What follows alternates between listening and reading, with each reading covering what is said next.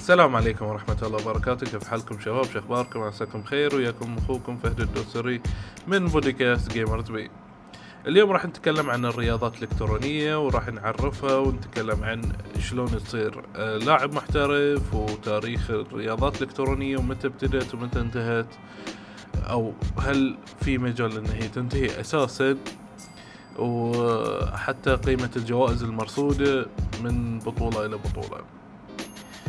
أول شيء راح نبتدي بتعريف الرياضات الإلكترونية. هي الرياضات الإلكترونية هي نوع من المنافسة أو المسابقه بين طرفين. قد يكون الطرفين شخصين أو يكون عدة أشخاص يتنافسون للحصول على الجائزة. حاليا للغة العربية ما في لها تعريف بشكل كامل وواضح آه لكن تقدرون تقتبسون مني هذا التعريف.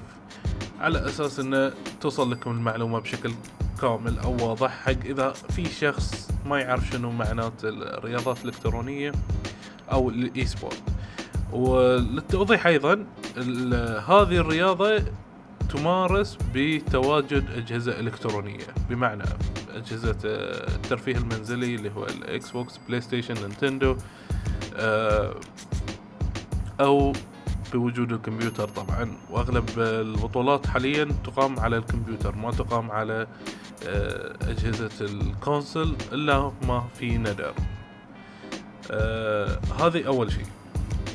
ثاني شيء راح نتكلم عن تاريخ البطولات أو بالأصح تاريخ ال e-sport شلون ابتدى من وين ابتدى وغيره. في سنة 1983 شخص اسمه والتر ألدرو أسس منظمة اسمها Twin Galaxies آه، بعد ما افتر على أكثر من 100 معرض ألعاب وشوف إن في جمهور وفي يعني تخيلوا في 1983 قبل لا أنا أنولد أصلا كان موجود في مجتمع حق ال gaming ضخم في أمريكا. وكانوا الناس يروحون آه، المعارض هذه ويلتقون وشاف ولاحظ إن في ناس تهتم بهالشيء. وشاف إن في شرارة ما بين الأشخاص بينهم بين بعض. كل واحد يبي يتحدى الثاني في ألعاب في مسابقات في أي شيء. بس في ذاك الوقت ما كان في شيء اسمه آه، بطولات بشكل رسمي.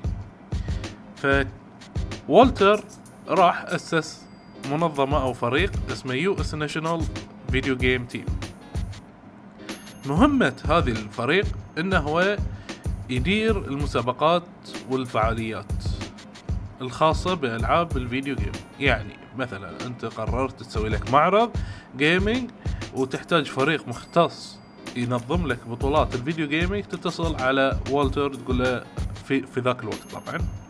ألو والتر هلا والله شلونك؟ آه طبعا كله بالإنجليزي.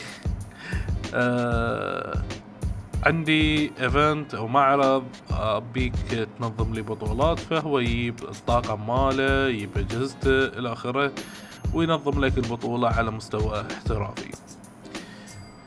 فمن بعد هذه شافوا المستثمرين أو الناس شافوا إن البطولات هذه قامت تكبر وتكبر وتكبر أكثر وأكثر. ففي سنة 1993 عقب ما انولدت آه لازم أذكركم. آه هني فعلا ابتدى اللي هو عالم ال PC ينتشر والألعاب صارت تنزل على ال PC والناس قامت ها تدخل في في جو البطولات والمسابقات وهذه ومع لعبة Doom و Doom 2 و Quake آه كانت البطولات يعني تصير في مكان محدد. يعني لازم تروح event أو معرض آه يكون في بطولة وتشارك. آه فاستمر الموضوع على نفس الطريقة انه لازم أنت تروح علشان تشارك في البطولات. آه، في أمريكا. لسنة 1997 إنزين هني صار الانطلاقة. الكل صار ينظم بطولات من الصين إلى أمريكا. صاروا موضوع بطولات الفيديو جيم آه، صار مو موضوع مقتصر بدولة محددة أو مكان محدد لا صار في كل مكان.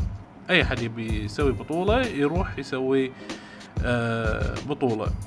لكن إذا جينا حق أول بطولة تم إنشائها كانت في سنة 1997 اللي هي بطولة CPL أو اللي كانت في دالاس تكساس. هي أول بطولة رصد لها مليون دولار. و... والعمر كان حازته مفتوح من 17 سنة لعندك نفسك. إن شاء الله تكون عمرك 100 سنة. كيفك؟ تعال شارك. وهذه البطولة يعني تعتبر أقدم بطولة في العالم. يعني ما في قبلها بطولة رسمية آه احترافية. آه في 2008 ياو مستثمرين من الإمارات وشروا هذه البطولة اللي هي سي بي ال وصارت تحت ملك الإمارات العربية المتحدة. المستثمرين طبعا من الإمارات العربية المتحدة. فهذه أول بطولة. و عندنا بعد اللي هو جوائز البطولات الإلكترونية. أوكي. ف تعتبر لعبة دوتا 2 هي أعلى أه لحد الآن تعتبر أعلى أه مجموع جوائز في العالم. أه بلغت أو بلغ مجموع جوائز لعبة دوتا 87 مليون دولار. أما League of Legends 30 مليون. StarCraft 2 20 مليون. Counter-Strike Global Offensive أو عدل. زين 20 مليون. Counter-Strike العادية 10 مليون. لكن إحنا هالبودكاست انسجل في 2019 هالحكي كان يعني ينطبق تقريبا في 2018 في 2019 صارت بطولة Fortnite واللي كان بروحها هذه البطولة مجموع جوائزها يوصل ل 30 مليون دولار فهي تستحق إن هي تكون في المركز الثالث فوق StarCraft 2 آه واللي حصل المركز الأول استلم ثلاثة مليون بعدين شالون منه النص آه بسبب الضرايب مالنا شغل الله يعينه اللي فاز فيها بوغا آه طبعا هذه مجال الرياضات الإلكترونية. آه في أبطال عندنا عرب واللي هم تألقوا آه في آه بطولات وايد. أوكي؟ فعندنا مثلا آه عندنا بطل اللي هو Pro Evolution Soccer آه بدر يوسف حميد. أوكي؟ آه عندنا آه Gran Turismo أصيل السفياني عندنا في لعبة آه Warcraft محمد تركستاني وعندنا في Counter-Strike أحمد وعلي ومحمد وأسامة العميري. وهذه عندنا بعد من تاريخ الألعاب الإلكترونية أو تاريخ الرياضات الإلكترونية بعد لعبة فيفا. هاي بعد تعتبر من أشهر ألعاب كرة القدم اللي تمارس عن طريق الأجهزة الإلكترونية. واللي كان أول بطولة لها في 2004 في زيورخ واللي فاز فيها تياغو كاريرو بنتيجة 2-1 واستمرت هالبطولة من 2004 ليومنا واليوم بتاريخ 2 8 2019 عندنا بداية بطولة كأس العالم للرياضات اللي عفوا بطولة كأس العالم للعبة فيفا واللي مشارك فيها العربي الوحيد مساعد الدوسري واللي هو البطل السابق للنسخة في 2018 وأول تتويج عربي لهذه البطولة كان في 2015 عن طريق عبد العزيز الشهري آه، اللي تفوق بالنتيجة 3-0 على الفرنسي جولين آه، وكانت هذه البطولة في ميونخ. فمثل ما أنتم شايفين أو تسمعون عفوا آه هذه البطولات لها تاريخ حافل. الرياضات الإلكترونية ما عادت هي الشيء اللي آه ترصد له مبالغ بسيطة. إحنا عندنا أساسا في المنطقة العربية بشكل عام بطولات بش... بشكل شهري. يعني تروح الإمارات في بطولة تروح قطر في بطولة في الكويت في بطولة في السعودية في بطولة في البحرين في بطولة. دائما دائما هاي بس في دول الخليج. عندنا بعد في مصر قاعد أشوف أخبار تطلع من عندهم إن عندهم بعد بطولات e-sport في المغرب عندهم فريق وايد قوي في الأردن في عندهم لاعب محترف في Dota ويعتبر من أكثر الأشخاص اللي يحصلون مدخول في العالم من وراء الرياضات الإلكترونية وال e-sport. فكل دولة تلاقي عندهم آه، آه، يا تنظيم رسمي أو تنظيم آه، استثماري من قبل بعض التجار. علشان ينظمون هالرياضات الإلكترونية. وعندنا إحنا في البحرين في عندنا Master Tekken اللي هو يعتبر آه، سيد هاشم اللي هو يعتبر أحد أفضل لاعبين لعبة Mortal Kombat في المنطقة ومصنف عالم الثامن عالميا وحاليا بعد بكرة عنده بطولة في إيفو يشارك في مورتال كومبات 11 ونتمنى له كل التوفيق إن شاء الله. وعندنا في السعودية ساري بطل تكن 7 واللي هو بعد يعتبر أفضل لاعب تكن في العالم. آه فهذه البطولات الإلكترونية اللي تفتح المجال حق اللي ما يقدر يمارس الرياضات العادية اللي هي كرة القدم العادية كرة السلة الطائرة يد اللي حتى العمر ما يتيح له. يعني مثلا آه، عمرك أربعين سنة أي نادي راح يقبل فيك أنك تلعب أو تمارس أي رياضة؟ ما في. يعني نادر. ممكن الجولف ممكن ألعاب ما ما يستهويها الشعب. بينما لما نروح حق الرياضة الإلكترونية العمر مفتوح لك. من عمر 15 14 على حسب اللعبة. فيفا ممكن حتى تشارك وعمرك عشر سنين. آه، لأن اللعبة أساسا ما فيها لا عنف لا آه، ألفاظ نابية ما فيها ما فيها أي آه، أشياء ممكن تضرك أو تأثر على طفولة الشخص أو مراهقته وتاثر عليه. فممكن يشارك في بطولات فيفا ممكن يشارك في بطولات السيارات وغيره. بينما لما نروح حق الواقع أو الرياضات المختلفة الثانية لازم يكون عندك عمر معين طول معين آه، وزن معين آه، ما ما تكون بعيد عنكم. عندك أي إصابة أو إعاقة أو آه، مشاكل تنفسية هذه كلها كلها كلها مفتوح لك في الرياضات الإلكترونية.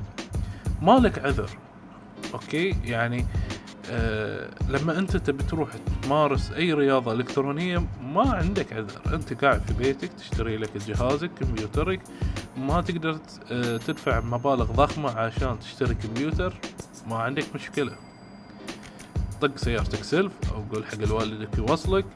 عند أقرب محل gaming آه، center واللي هم حاليا بدوا ينتشر ينتشرون بشكل كبير. وقول له خلي يوديك. الساعة ممكن تكلفك ما بين ثلاثين إلى خمسين ريال أو ثلاثة إلى خمسة دينار وراح تست يعني تستمتع وتستانس على أجهزة قوية وشاشات مخصصة وسماعات مخصصة حق الجيمنج وغيره فهذه الرياضات الإلكترونية أو عالم الرياضات الإلكترونية مفتوح حق الكل. يعني مو مخصص حق فئة معينة؟ أو آه، مثل ما إحنا نسميهم الفئات المميزة. لا مفتوح لك. أه الحلو فيها إن أنت كل ما توصل أو كل ما تمارس أكثر كل ما ينفتح لك المجال أكبر. ومجال التعلم فيه مفتوح. يعني مثلا آه، رياضة رياضات السباق أو الترايثون أو آه، الجري المفتوح أو 200 متر أو حتى 500 متر. لازم يكون في جسمك مواصفات محددة. يعني مثلا لازم يكون آه، عندك تسارع ممتاز. لازم تتفوق آه، يعني تنفسك يكون مضبوط. لازم تقدر تجري مثلا هالمسافة في هالقد ثواني. هذه كلها ممكن تكتسبها مع الوقت. لكن لو عمرك أنت أربعين سنة ولا حتى خمسين سنة شوي الموضوع يصير أصعب لأن الشباب بيكونون أسرع وعندهم الطاقة وعندهم ال اللي هو المجال إنهم ينطلقون وجسمهم يكون يساعدهم على التحمل و, و... التسارع بشكل أكثر منك. أما يعني أنت في هالعمر ما تدري شو تسوي يعني افتح لك آه، خذ لك كمبيوتر أو خذ لك جهاز ترفيه وتدرب. بتلاقي نفسك بين يوم وليلة ها قمت ها شوي شوي تتنافس مع الناس. لأن الرياضات الإلكترونية تعتمد على شغلتين. ردات الفعل أكثر شيء وتعتمد على عقليتك. عقليتك شلون شلون أنت آه تميز الأشياء وشلون أنت تحط خطة استراتيجية عشان تتغلب على الصعوبات اللي راح تواجهك.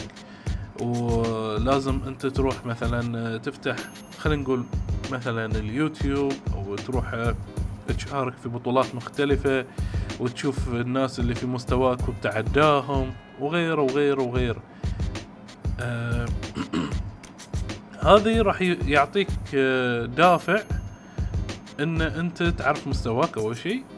ثاني شيء آه تقارن مستواك مع البقية. إذا شفت مثلا أنت مستواك أعلى تروح تسافر دول ثانية تدور على أشخاص أقوى منك آه وتكون لك علاقات مع الأشخاص اللي في هالمجال علشان لو في بطولة في دولة محددة ولا مكان محدد ومستواك يساعد على هالشي تقدر تسافر وتدفع التكاليف آه، في البداية من جيبك.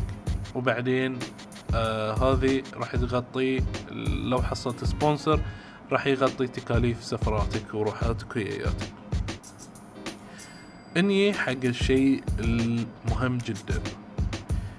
ما هو الكلان وما هو السبونسر والشركات اللي ترعى الأشخاص اللي يشاركون في البطولات. الكلان هو عبارة عن فريق آه، مكون حق رياضة أو رياضتين أو أكثر يقوم.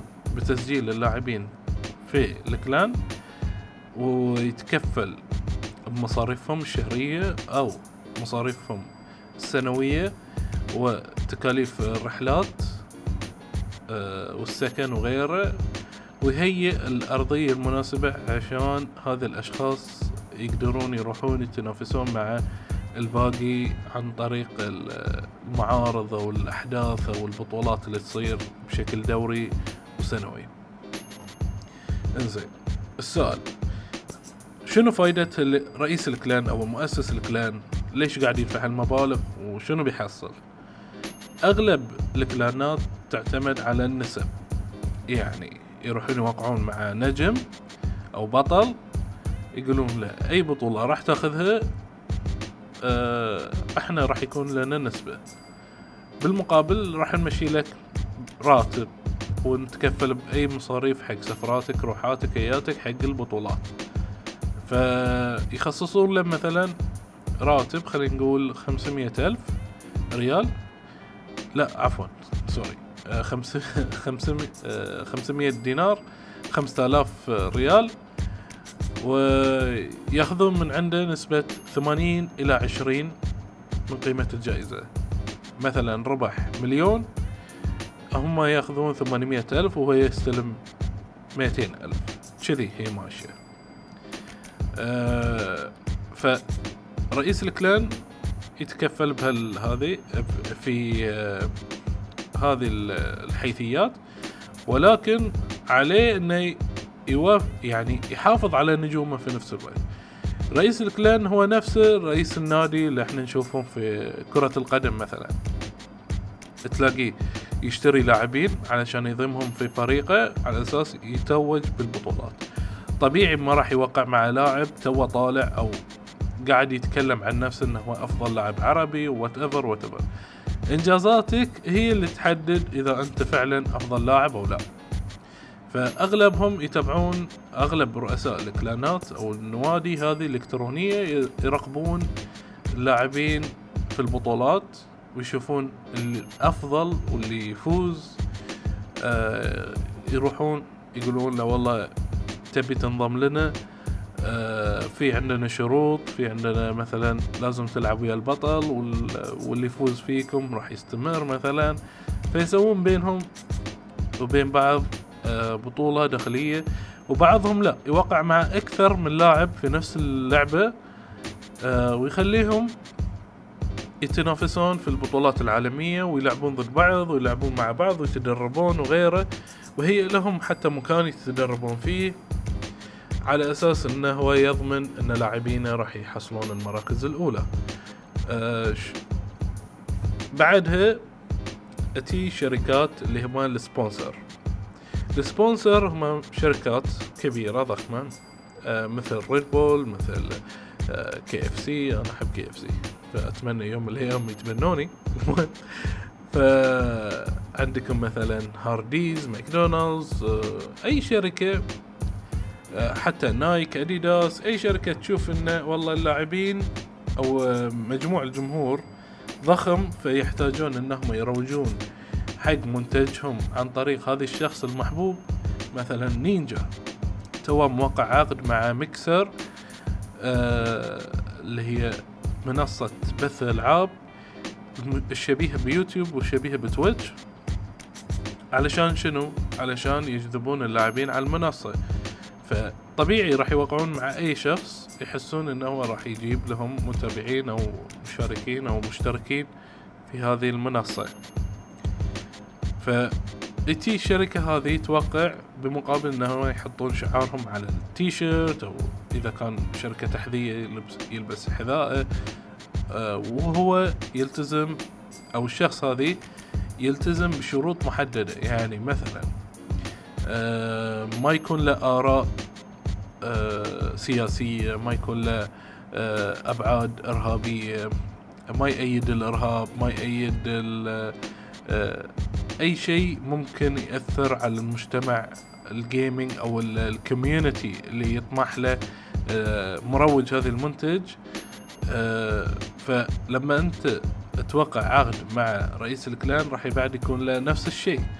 بس لكن لما توقع مع السبونسر راح آه، تلاقي زيادة في مدخولك زائد راح تكون حذر أكثر في تعليقاتك حق الصحافة تعليقاتك حق المنصات الإلكترونية المقابلات أي حد يبي يسوي وياك لقاء تكون حذر. لازم تعرف هذا الشخص من من هذه من وين هي ليش قاعد يسألني اسئله بهالطريقة أو شنو يبي يوصل له. هذه لازم تكون أنت في حذر لأن ليش؟ هذه صار خلاص مصدر رزقك. أنت الحين لاعب احتراف محترف.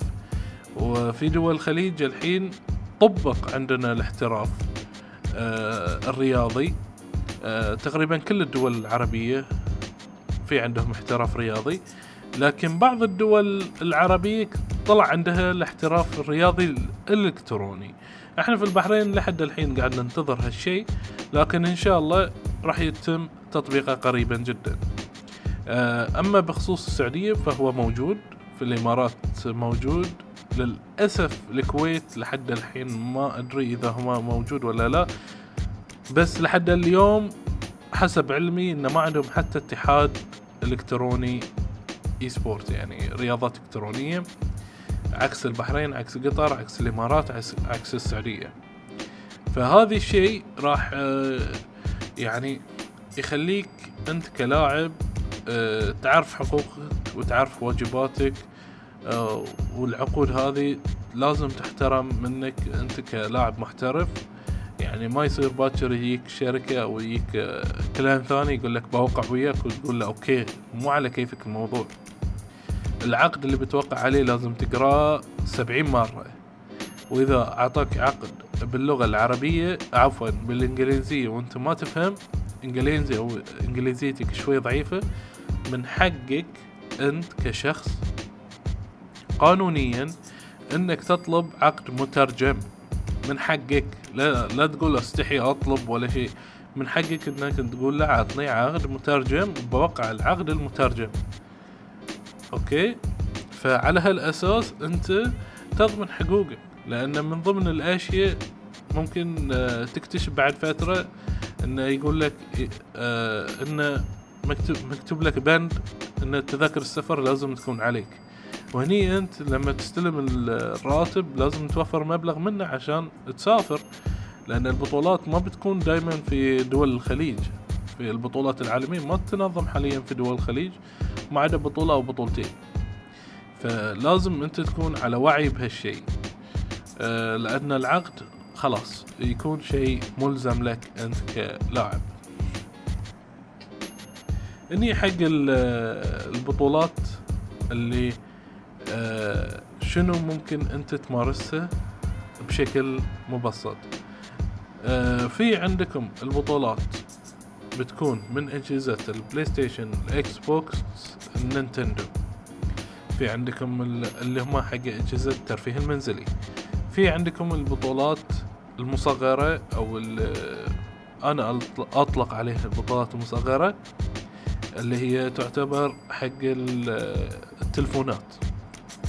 أو الأجهزة آه، الموبايلات الذكية أو الهواتف الذكية اللي هي بتكون ببجي فورتنايت كلاش أوف كلان إلى آخره. آه، اللي بتكون منصات الموبايل فقط.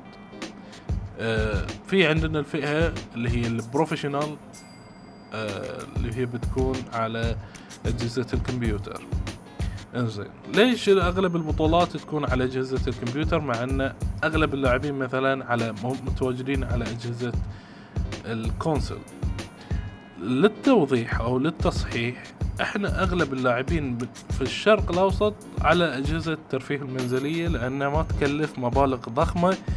وموضوع حتى ال gaming center أو المكان اللي يكون فيه أجهزة إلكترونية وأجهزة ألعاب مخصصة توها قامت تطلع. أول ما كان عندنا إحنا لو نرجع خمس سنوات ورا يمكن ما عندنا gaming center في البحرين إلا واحد. الحين تقريبا في كل منطقة في يمكن ثلاثة وأربعة. وهذه البحرين وهي صغيرة. ما بالكم بالدول الثانية. ف فموضوع إنه الأجهزة الإلكترونية أو اجهزه الترفيه المنزلية اللي هي بلاي ستيشن إكس بوكس نينتندو موجودة عندنا في الشرق الأوسط أو في منطقة الخليج العربي بشكل أكبر من موجود الأجهزة الألعاب التنافسية اللي هي الكمبيوتر وغيره. ذلك يرجع لسبب إن توافرها في المنطقة وسعرها وثاني شيء فائدات يعني إحنا أو إحنا لا ننسى إن أغلب أهالينا كانوا ما حد فيهم كان يشجع أصلا. يعني ما ما أذكر إن في واحد كان يجيني يقول لي والله أنا أبوي كان يخليني ألعب وأتدرب آه، حق الرياضات الإلكترونية على أساس إني أكون بطل. هاي كلش ما صار. الحين يوم طلع خبر آه، بوغا إنه فاز في بطولة فورتنايت وربع ثلاثة مليون وهو مو أول مرة تكون فيه بطولة فيه جوائز ضخمة. يعني مساعد الدوسري ربح 250 مليون آه عفوا 250 ألف. آه عبد العزيز عبد العزيز الشهري بعد فاز بنفس المبلغ. وغير sponsor وغير رحلات وغير التكريم وغير وغير وغير وغير هذه كلها تجاهلوه. كلها ما عطوا آه، فرصة. راحوا يتكلمون بس عن بوغا لأن ليش؟ لأن الحين في هالفترة كل يعني كل وسائل آه وسائل الإعلام مركزة على فورتنايت لأن لها أكبر جمهور. ف يعني هذا الشيء ما كان موجود عندنا. ما كان عندنا إحنا شيء يطلق عليه آه تشجيع حق الرياضة الإلكترونية. فطبيعي يعني الأهالي راح يلجؤون حق الخيار الأرخص. وشنو هو؟ أشتري بلاي ستيشن أو أو إكس بوكس أو نينتندو. هذه الخيار الأرخص لكن للأسف أن مجال الاحتراف فيه شيء بسيط جدا جدا. يعني تخيل أنت تلعب آه، mouse و keyboard وخصمك يلعب joystick أنت التحكم بيكون عندك أقوى 40 إلى 70% أفضل منه وأقوى. هو آه راح يضطر إنه يعتمد تكتيكات ال console لأن ال joystick مهما بيكون professional بعد راح يكون آه محدود الخيارات غير الكمبيوتر ال keyboard ال mouse لفتك تروح تكون أسرع آه ردة فعلك على الأزرار تكون أسرع. وخصوصا إنه يعني كل حركة لها زر معين فأنت بتكون حافظ الأزرار مكانهم وشلون تتصرف. مجال الاحتراف في أجهزة ال console هو فقط حق آه لعبة آه سوبر سماش على النينتندو وعندكم لعبة فيفا على البلاي ستيشن هاي PlayStation أو Xbox عفوا. آه هاي المجال الوحيد اللي ممكن اللاعبين يحترفون فيه. أما غير كذي يعني راح تكون في بطولات لكن ما راح تكون بطولات عالمية. وحتى لو صارت بطولات عالمية راح تكون بس في هالفترة. يعني حط في بالك إنه ما راح تتكرر هالبطولة ولا راح تصير مرة ثانية إلا بعد فترة طويلة لأن الناس تبحث عن الناس تلعب على الكمبيوتر وتبي تبني افرقة لأن التوجه بشكل عام في كل دول العالم كمبيوتر مو آه، أجهزة ترفيه منزلي اللي هي PlayStation Xbox Nintendo ولهني وصلنا تقريبا حق نهاية حلقتنا. آه إن شاء الله تكونون استمتعتوا وياي في شرح شنو هو الرياضة الإلكترونية وتاريخها ومتى ابتدت وجوائزها وهل وشلون حتى تصير آه لاعب محترف وشلون بدت الرياضات الإلكترونية عندنا في المنطقة وإلى آخره. بس نقطة أخيرة هاي رسالتي حق أي شخص آه، يحب يكون محترف. في البداية لازم تتعب على نفسك تتدرب آه، تشوف فيديوهات تطبق الأشياء اللي آه، أغلب الناس تشوفها صعبة وتعود عليه ويكون بالنسبة لك سهل. بعدها تدفع تشارك في بطولات محلية وإذا تفوقت عليهم وحسيت نفسك إن أنت مستواك أعلى تدفع فلوس عشان تشارك في بطولات في دول ثانية. مو تدفع حق تشارك لا تدفع عشان تسافر وتروح الدول اللي تقيم هذه البطولات وتشارك وتشوف مستواك. وحتى لو خسرت من أول جولة وخلاص وطلعت من البطولة حاول إنك تكون علاقات مع الأشخاص اللي يهزموك واللي تشوفهم انهم بيوصلون حق المراحل المتقدمة على أساس إنك تلعب وياهم أو تتدرب معاهم. الفترة هذه آه، تتطلب منك مجهود تتطلب منك مبالغ تدفعها من جيبك. هاي شيء طبيعي جدا. ولا تخاف ولا تحس روحك إن أنت قاعد تسوي شيء يعني عكس آه، الشيء المفترض إنك تسويه. ترى هاي شيء جدا طبيعي وجدا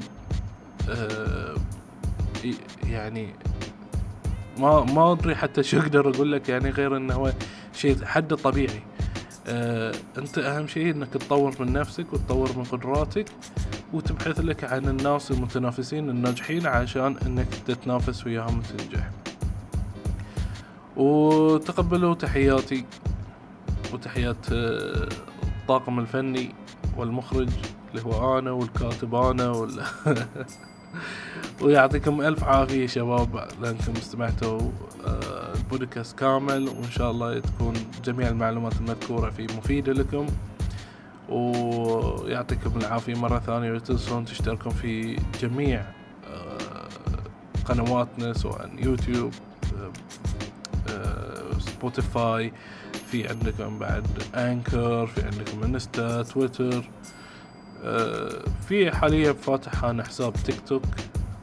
ما عدل اسمه ما على تيك توك. المهم فبعد باسم Gamers B لا لحد الحين ما حطيت عليه اسم Gamers B لأن لحد الحين ما بعرف حتى أغير الاسم. بشوف إيش موضوع وان شاء الله خير. أه يعطيكم العافية شباب. نشوفكم إن شاء الله في حلقة ثانية. سلام.